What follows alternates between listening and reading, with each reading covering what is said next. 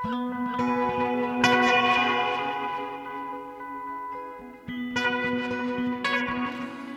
sæl og blessuð við sjá helsar á getur hlustendur miðugudaginn 16. desember. Í töluverðu hátíðarskapi viðsjá fagnar í dag 250 ára afmæli tónskálsins Ludvigs van Beethoven þegar Kortokvartetinn leikur fyrir hlustendur Göldróttan Kabla úr einu af síðustu meistaraverkum tónskálsins á sviðinu í salnum í Kópavogi. Kvartetinn skipaður hljóðfæraleikurum úr Sinfoníu hljómsveit Íslands ætlaði að fagna fæðingaramælinu með tónleikum uh, í salnum í kvölda en flytur þessi stað kapla úr strengja kvartett nr. 15 opus 132 í amól fyrir hlustendur viðsjár, minna má það ekki vera. Kortokvartetinn skipað þau vera Pantits og Pál Palomares sem leika á fylgur Þórarinn Már Baldursson á víjólu og Hrafkjall Orri Egilson á cello.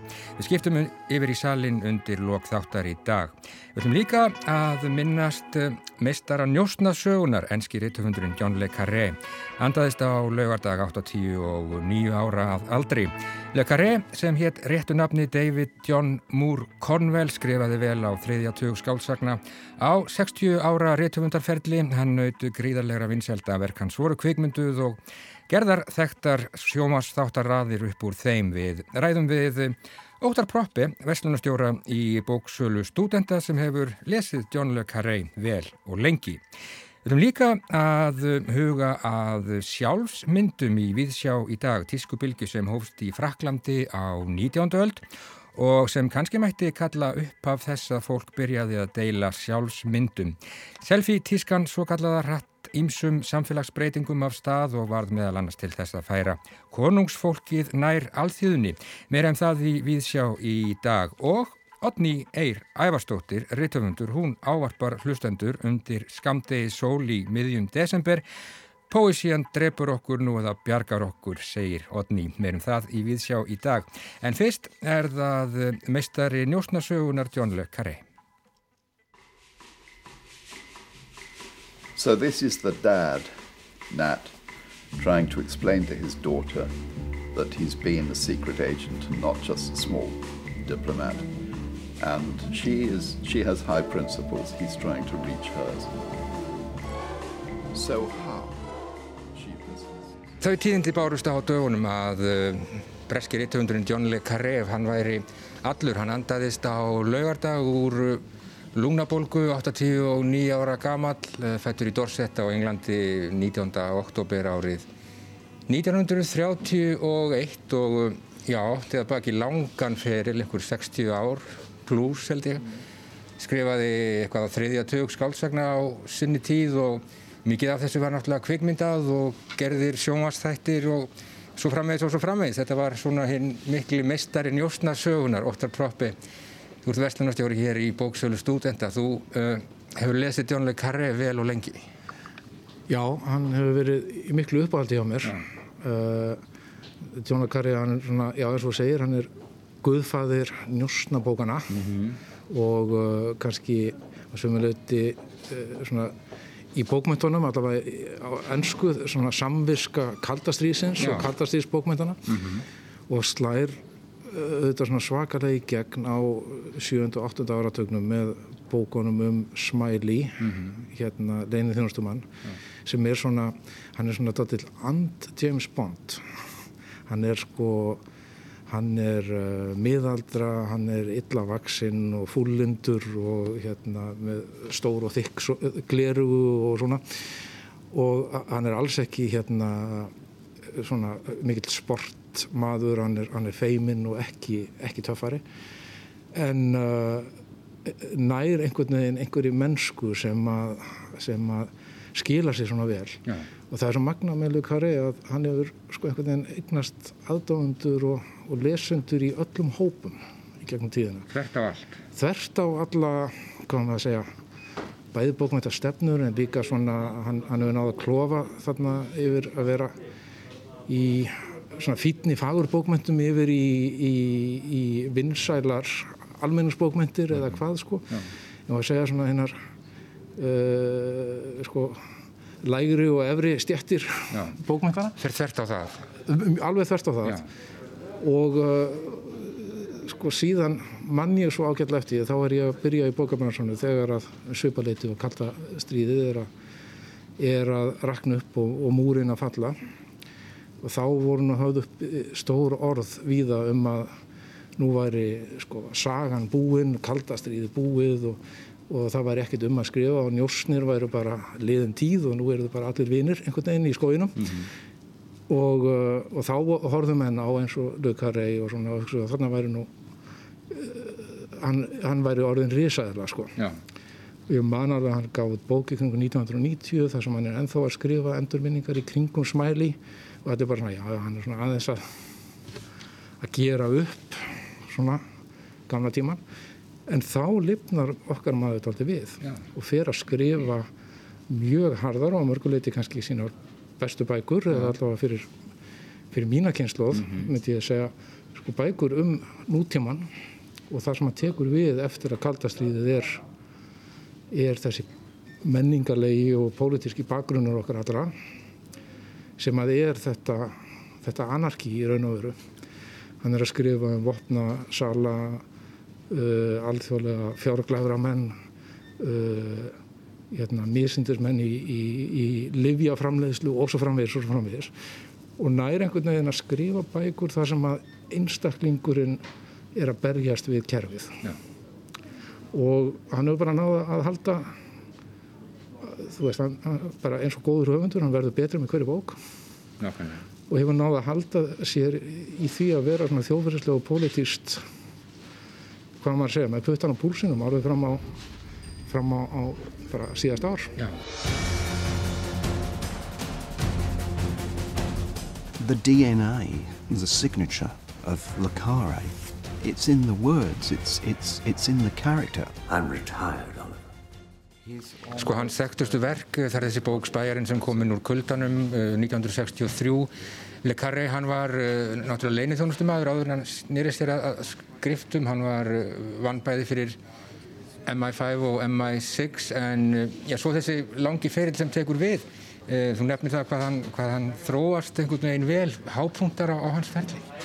Já, það er alltaf merkilegt að það kannski komið í ljós aðeins í setni tíð mm -hmm. hann skrifaði uh, bók eh, endurminningar sínar uh, sem kom úr 2016 eða mann eftir, fyrir 17 uh, þar í lokin eiginlega kveður hann, segist verið að með krabbamenn og þetta sé, sé nú kannski það síðast sem hann skrifar, ja. þó hann hafi skrifað tvær bækur eftir það mm -hmm. og uh, þá hann og, og, og það var gefin út líka æfirsaga eftir hann sem hafi verið unnin í miklu sam, saminu við hann svipaleiti 2012-15 eða eitthvað svo leiðis og uh, þá kemur nút aldrei í ljós sérstaklega bakgrunnur fóreldra hans þegar móður hans yfirgaf fjölskylduna þegar hann er 5 ára og pappans virðist að veri bara svona uh, gamaldags svika hrappur sem var inn og út úr fangelsi og, og svona fór með heiminskautum þess á milli uh, og laug sig eiginlega inn í þetta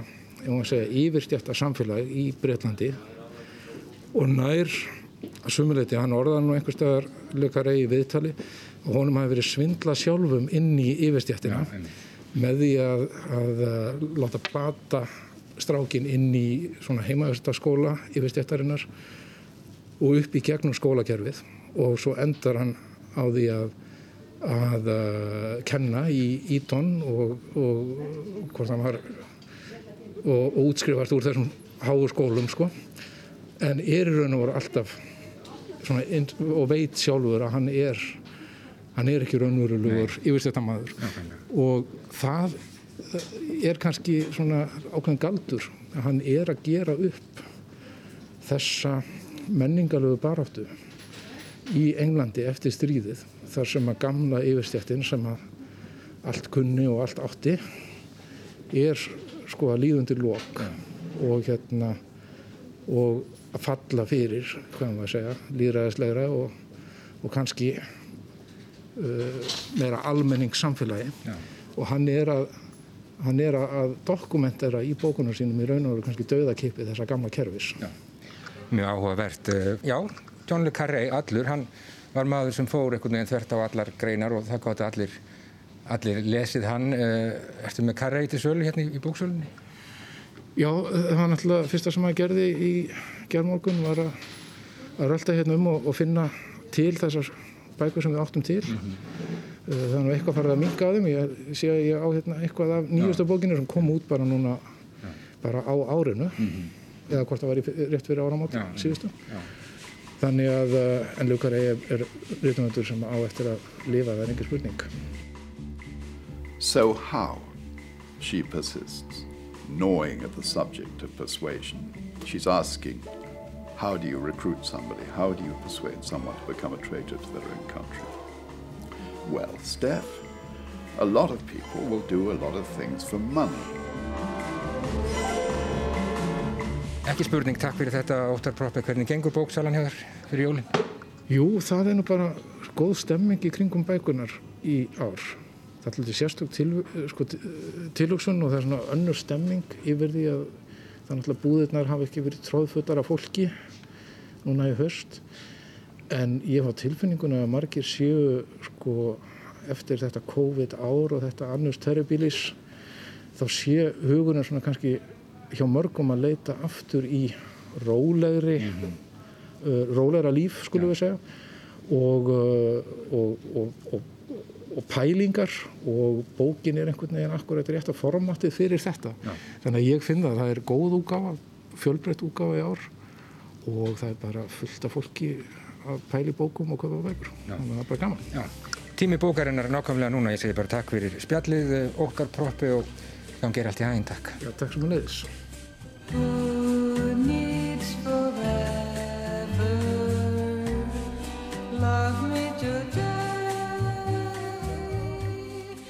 Já, fáinir tónar úr smiðju Quincy Jones úr kvikmyndinni The Deadly Affair sem Sidney Lumet gerði árið 1967 eftir fyrstu skálsögu John le Carré frá árinu 1961 Call for the Dead. Astrud Gilberto, brasilíska söngkonan að syngja Who Needs Forever. En eh, Óttar Proppe hitti hann í bóksölu stúdenda í morgun og hann hefur lengi og vel lesið John le Carré sem að andaðist á laugardag 89 ára gammal samviska kalda stríðsins John le Carré segði Óttar. Hann eh, egnaðist aðdáðundur í öllum hópum, fór þvert á allar grensur og varð að mati Óttars bara betri og betri eftir því sem á leið. Hann var réttufundur sem á eftir að lifa, segði Óttar Proppe. En eh, Halla Harðardóttir, hún hefur verið að gramsa í gömlum kössum og já, rekist á sitt hvað forvinnilegt. Eftir grams í gömlum kössum sem byrjaði auðvitað með ykkur sem átt að kallast tiltækt en endaði með því að óreiðan flættu um allt fyrir ekkar hann að vera först ofan í kassa, rakst ég á ljósmynd mitt í allri óreiðinni. Ég hef ekki hugmyndum hvaðan hún kemur eða þá hvernig hún enda á þessum stað. Mögulega hefur hún borist með öðrum gamlu myndum úr öðrum óreiðukassa. Þetta er allra minsta ljósmynd sem ég hef séð. Hún er af ömmu minni, svart kvít og ekki mikið starri en meðalstór nögl. Portrætt af ömmu með fína greiðslu í fínum jakka. Greinilega tekin í stúdjói við sérstakt tilemni. Kanski eitthvað tíman á fjörða áratug síðustu aldar. Myndin er dáleðandi Ekki bara vegna þess hversu amma er fín og falleg, heldur vegna smæðarinnar og til hversi ósköpunum að eiga svona pingu litla mynd. Þar með var tiltaktinni lokið og googlið hafið. Í leita tilgangi þessarar pingu litli ljósmyndar var í fljóta rekast á fyrirbari sem að kallast upp á frönsku kartu við sít sem ætti kannski kalla smámyndaspjald. Þessi litlu myndaspjöld virkuði nokkurn veginn eins og prófílmyndir á samfélagsmiðlum gera í dag því ástfinnir gáðu þær sínum nánustu og oft gengu þær manna á milli líkt og sjálfsmyndir gera á netun í dag. Árið 1854 bjó franski ljósmyndarinn Disteri til hefð fyrsta svokallaða kartu við sít. Ljósmynd á hörðum pappa sem var um það byl 5 sinum 10 cm stór. Hugmyndina þessum litlu myndum kviknaði eins og svo margt annað, vegna sparnaðar. Smæðmyndarinnar gerði Disteri kleift að taka átta myndir í stað einnar á eina ljósmyndablötu. Og starðin var einmitt svo sama á nafnspjaldi, fyrirbæri sem var að reyðja sér til rúms meðal heldri borgara sem algjörlega nöðsynlegt tól til að styrkja stöðu sína í samkvæmislifi og tengslanetti vaksandi borga. Í hendur lófastærð ferðust þessi spjöld manna á milli og þessum tíma tæknithrónar í prenttækni voru þau ofta tíðum ansi skraudleg, stundum ekkert annað en lítil grafísk listaverk. Allskins nýjir litir og form prítu þessi enginniskort fína fólksins og með aukinni ljósmyndatækni fór að bera litlum portréttum innan um skrautið. En það var tölvert síðar. Fyrst átti Disteri eftir að slá í gegn með fyrirnefndum karti við sít eða smámyndaspjöldum. Fyrsta myndaspjald hans sem sló í gegn var tekið árið 1857 af Napoleon III, fyrsta fórseta Fraklands. Myndin sínir virðulegan mann á miðjum aldri í síðum jakka með glæsilega þverslöfu og yfirvaraskegg sem er svo lánt og stíft að það verður eiginlega það eina sem að nútíma áhrifandi tekur eftir. Stellingin sem þessi bróðursonur Napoleons keisara hins fyrsta setur því er samt ábyrrandi afsleppuð miða við aldur og fyrir störf. Þessi ljósmynd var svo vinsæl hún var prentið í tonnavís og var þannig fyrsta ljósmyndin af frægum til að príða heimili alþýðfólks sem þekkti manninu þetta ekkert. Disteri hafði aldeilis dottið í lukkupottin og hófi kjölfarið að framleiða slík smámyndaspjöld. Þar sem að myndin var svo lítil gatt efnaminna fólk en aðallin leift sér að mynda sig og fljótlega komst fyrirbærið tísku meðal velstaðara borgara. Fólk byrjaði að sapna myndaspjöldum, ekki bara frægum, heldur líka sínu nánustu og svo var allt sett í sama albúmið. Napoleon gatt þannig staðið mitt á milli, eldri frængu og litla batsins sem nýbúið var að skýra. Alþjóðan gatt fengið sinn skerf af höllinni og höllin fann leið til að nálgast fólkið.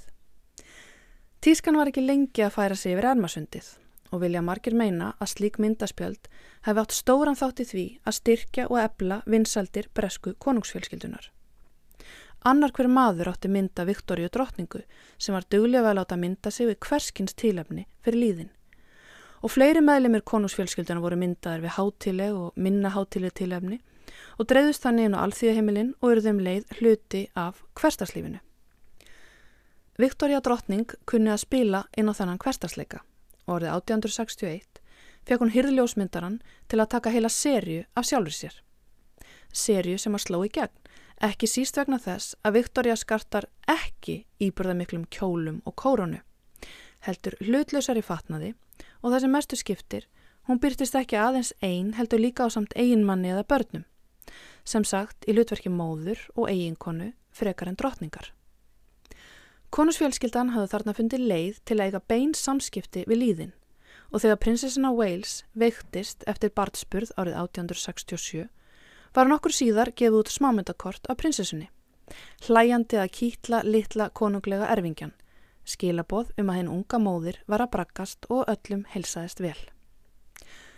Aug þess að færa hyrðina nær líðnum þá áttu myndakortin stóran þáttið því að færa sjálfa ljósmyndina til almennings, löngu fyrir kótakbyltinguna Myndirnar undustryggu líka stjætt og stöðu og voru oft leið til að mynda ný sambund, líkt og nabbspjöldin höfðu áðugjart og í raun ekki ósvipa því sem að gerist á samfélagsmiðlum í dag. Og líkt og að myndamiðlum í dag þá var auðvitað bóðið upp á allskinn spaksvið fyrir myndatökurnar. Í upphafi þótti mjög fínt að standa við gríska súl og jafnvel hafa þykk lukkatjöld í bakgrunni en síðar urðu romantískar brýr mjög vinsalar og sömulegis rústir. En það voru auðvitað ekki allir hrifnir af þessum nýja miðli. Og sömum var hreinlega nóg bóðið. Þessar myndir væru fyrst og fremst ætlaðar til að kýtla hegóma og ekki var nú mikill sómi af því. Um það leiti sem að myndakortin voru farin að flæða um allt í bandaríkunum var ritaðum fyrirbærið í dagblöðum, þar sem að viðraða voru áhyggjur yfir áhuga unga fólksins á þessari tilgangsleysu dagratvöl. Það er að góna á ljósmynd af venjulegri mannesku frekar hann að góna á eitthvað með tilgang eins og til dæmis Venus frá Míló eða eitthvað álika hágöfugt. Og áhyggjuna leta á sig kræla begja vegna Allandsafs því engin annar en Charles Dickens tók í sama streng. Hún fannst nóg komið af þessum ljósmyndum sem flættu yfir allt. Þetta var ekki list sem allir ætti að geta nálgast en það geti nýðustan verið hreinlega nýðulegandi fyrir suma. Dickens rýtaði dagblad árið 1862 að suma mætti sjá koma glaða í bræður stúdjói og meðan aðrir kemur það nýðulútir eftir að sé sjálfan sig á mynd miðlinn verður hreinlega ekki að gera öllum gagn. Eins og með svo margt annað þá leið þessi smámynda spjálta tíska hjá. Myndirnar stækkuðu og svo komuðu þetta kótakbyltingin í upphafi 20. aldar og þá gott hver sem er tekið litlar myndir fyrir heimilið. En þörfin fyrir að deila sjálfsmyndum kviknaði greinlega um leið og það var teknilega mögulegt. Kanski það sé eðlokkar að vilja deila smá hluta á okkur. Þótt að megi virðast andlaus tímasón fyrir suma og jafnvel nýðulæging fyrir aðra. En aftur að tiltaktinni og pingu litlu ljósmyndin af ömmu sem að rak með á slóðir myndaspjaldana. Tilgangur hennar stendur mér eftir sem áður óljós. Ég hef ekki hugmyndum hvað amma vildi gera með þessa mynd sem er líka bara fínt. Hún heldur það áfram að vera dularfull. Og næsta mál á dagskrá, þegar óreiðan er komin aftur ofan í kassa, er það að smíða minsta ramma í heimi.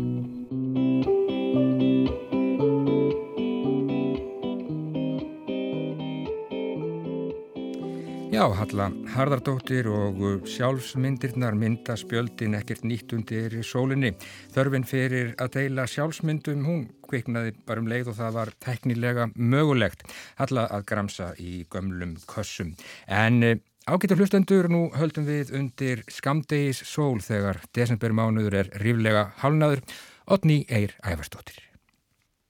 Þegar nálga sólinn áttstað sinn eins og vandir hugminn hljóðan setur.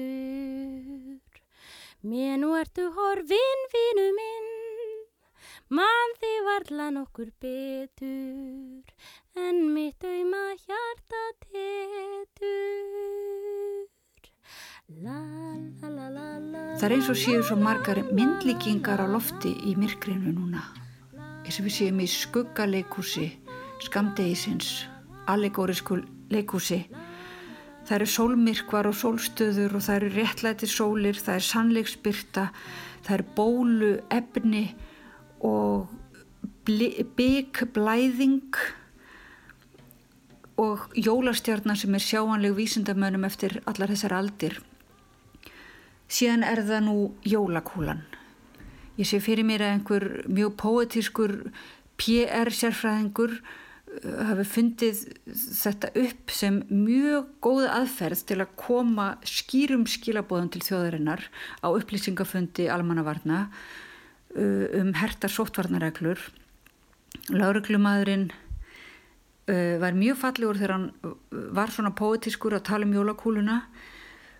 Það er Það er raunverulega áskorun að taka, að láta ljóðrænu vera leiðarvísi, sko raunverulega vera ekki, að taka því ekki bókstaflega en samt af nákvæmni. Og þetta bara hefur aldrei vafist fyrir okkur veriðst vera. Um, jólakúlan hefur orðið að myndlíkingu fyrir uh, lokuð ofbeldisambönd uh, fyrir einangrun, einmannaleika útilokun fyrir eineltis uh, einelti og eineltisring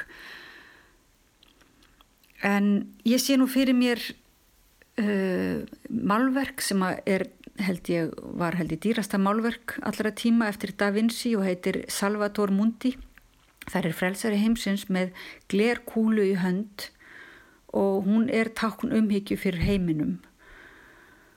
Og slík umhyggja er náttúrulega ekki á færi annara en bara engla en, en ögnar á því á þessari mynd. Hann er eins og svona sambland af einhverju, uh, já bara dýri, einhvers konar skúki eða ég veit ekki eða svona pókarottu, mjög fallegt og, og hlílegt ögnar á en, og, og, og svo einhver, einhver mikill vitringur. Ég fór hans að spökulur í þessari allegóriu og myndi eftir skrifum þýska hugsuðarins uh, Volter Benjamin sem skrifaði um allegóriuna á tímum baróksins eða táknmyndir á tímum hlaðmynda. Tók fram bókina Fagurfræði og miðlun sem er sapn uh, þýðinga á textumanns undir reittstjórn Benedikt Sjartarssonar og uh, það er góður yngangur eftir Ástræði Eistensson þar sem hann eiginlega er að lýsa því hver, hver þessi svona fjölskyldu jóla kúla Benjamins uh, var flókin smíð. Af því að hann dró inn í sína kúlu þá hugsuði sem kannski vildu alls ekki vera saman í kúlu. Og, og í skrifum frá þessum tíma kemur fram að, að, að menn voru doldi ánaður með það þegar að Benjamin var að uh, skrifa um þeirra verk en, en tóku það síðan alltaf fram að þeir veru ekki ánaður með, veri, með að hann væri líka uh, að skrifa jákvægt um verk annara sem, ekki, sem, þeir, sem tengdust ekki þeirra hugsun og svo leiðis. Þannig að þessar svona jólakúlur eru doldið uh, flókunar í menningunni, þessi mengi öll. En hann má segja að Benjamin uh, leitast mjög mikið við það að uh, leysa upp hverskins bókstafstrú og svona uh, hann til dæmis talar um, um, um þekktan reitstjóra á þessum tíma sem að uh, var umdeldur og hann segir ekkert er eins eindarlegt og fylgismenn hans. Ekkert eins guðsvolað og andstæðingar hans.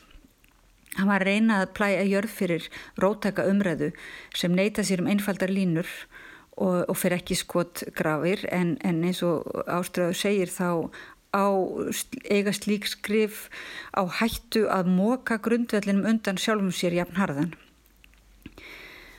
Það er líka þegar ég er að lesa bók sem heitir Tími töframanna og hún er skemmtileg um hugsuðu 20. aldar en, en, en svo litið pyrrandi einhvern veginn uh, hvað bara að, já, hvað hún er hvað er miklu kallpungar allt saman og kannski það er svolítið erfitt að þegar maður er búin að hafa og búin að draga eins og Benjamin inn í sína svona uh, litlu kúlu, hún er búin að fylgja mér í mörg ár síðan ég kynntist uh, skrifum hans fyrst á landsbókarsarninu fyrir 30 árum þá er, það er alltaf svolítið snúið sko að kannski uppkvötva að, að, að höfundarnir sjálfur séu uh, hálgeri skítalar eða kannski ekki skítalar en svona skuggarsveinar en ég rækst hérna á einmitt klausu sem að ég mann að ég las uh, á sínum tíma og, og, veit nú ekki hvers vegna og glatti mér svona en það eru skrif uh, Benjamins um skrif Kafka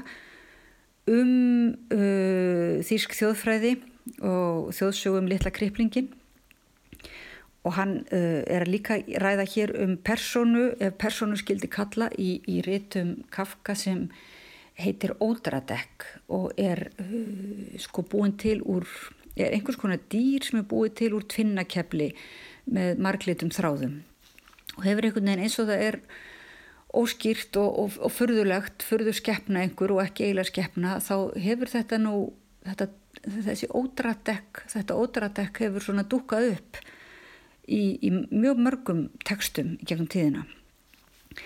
En hérna segir í þýðingu Ástræðar og Eisteins þetta mannkríli, sem sagt kriplingurinn, lifir af löguðu lífi Það mun hverfa þegar Messias kemur. Mikill rabbi hefur sagt að hann ætli ekki að breyta heiminum með valdi, heldur einungis að lagfæra hann svo litið. Og þá ætli ég að skjóta inn í að tala um myndlíkingar og að breyta heiminum með valdi, þá er aðtiklisverður munurinn á myndlíkingunni að heia stríð gegn veirunni annars vegar, sem, er, sem reyndist vera kannski svolítið vond myndlíking, en það er að segja við allavega höfum tapat því stríði svolítið,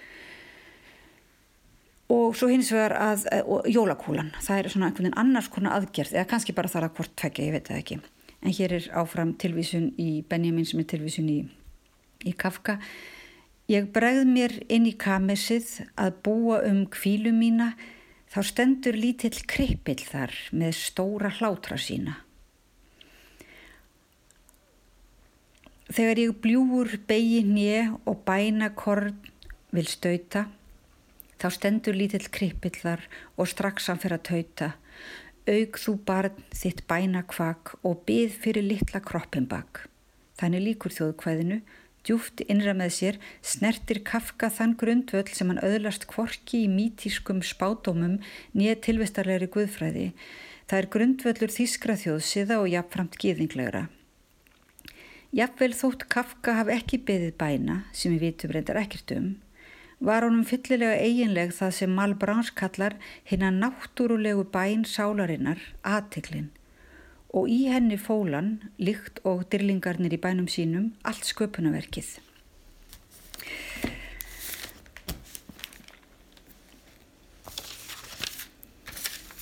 Upprunalega var þessi glerkúla, uh, jólakúla var glerkúla sem þýskur uh, listamæður blés út til að líka eftir ávöxtum sem voru gerðan hengtir á jólatri sem ilmuðu mótu sól uh, og ég held að við eigum eftir að fá ansi margar svona jólakúlur í hausindaldið á komandi tímum, svona óræðar uh, kúlur. Og við þurfum kannski að vera bara doldið opinn fyrir því að þær eru máttugar. En þær eru náttúrulega líka mjög margraðar og tvíbendar og hægt að nota þær á alla vegu. En til dæmis í þegar að það er eins og kórunaveiran verði svo litið kannski bara eins og undirbúningur fyrir uh, alla þá umbreytingu sem mun eiga sér stað í, í frekari loftlagsbreytingum og það man maður eftir litlu grænu kúlunni uh, kúluskýtnum á botni mývars sem vex engungu í held í þremur vötnum í heiminum og er núna í útrýmingar hættu uh, þessi kúla snýst á botninum fjari sólu en nær samt að ljóstilífa með undraverðum hætti og berst við myrkur og mengun. Þetta verður að vera kannski einhvers konar uh, ljóðræn tákmynd okkar uh, viðnáms á komandi tímum. Loft, loftslags vár. Mér langar að uh, enda á orðum uh, reytöfundar, það var konar sem hétt Edith Stein hún stundaði fyrirbærafræði áður en hún uh, las verk Teresu frá Avila um beintenginguna við Guð og ekstasíuna og gekk það við klöstur og skrifaði meðal annars um dul rænu jólana eða dulmagn jólaháttíðarinnar já. Og, og hvað til fólk til þess að nýta sér eða að fara inn á við í þessu myrkri og, og rannsaka þetta dulmagn og rannsaka sín eigin mátt í tengslu með þetta dulmagn. Hún segir ég tek því sem kemur og byðum að mér verði gefin kraftur til að gera það besta úr því.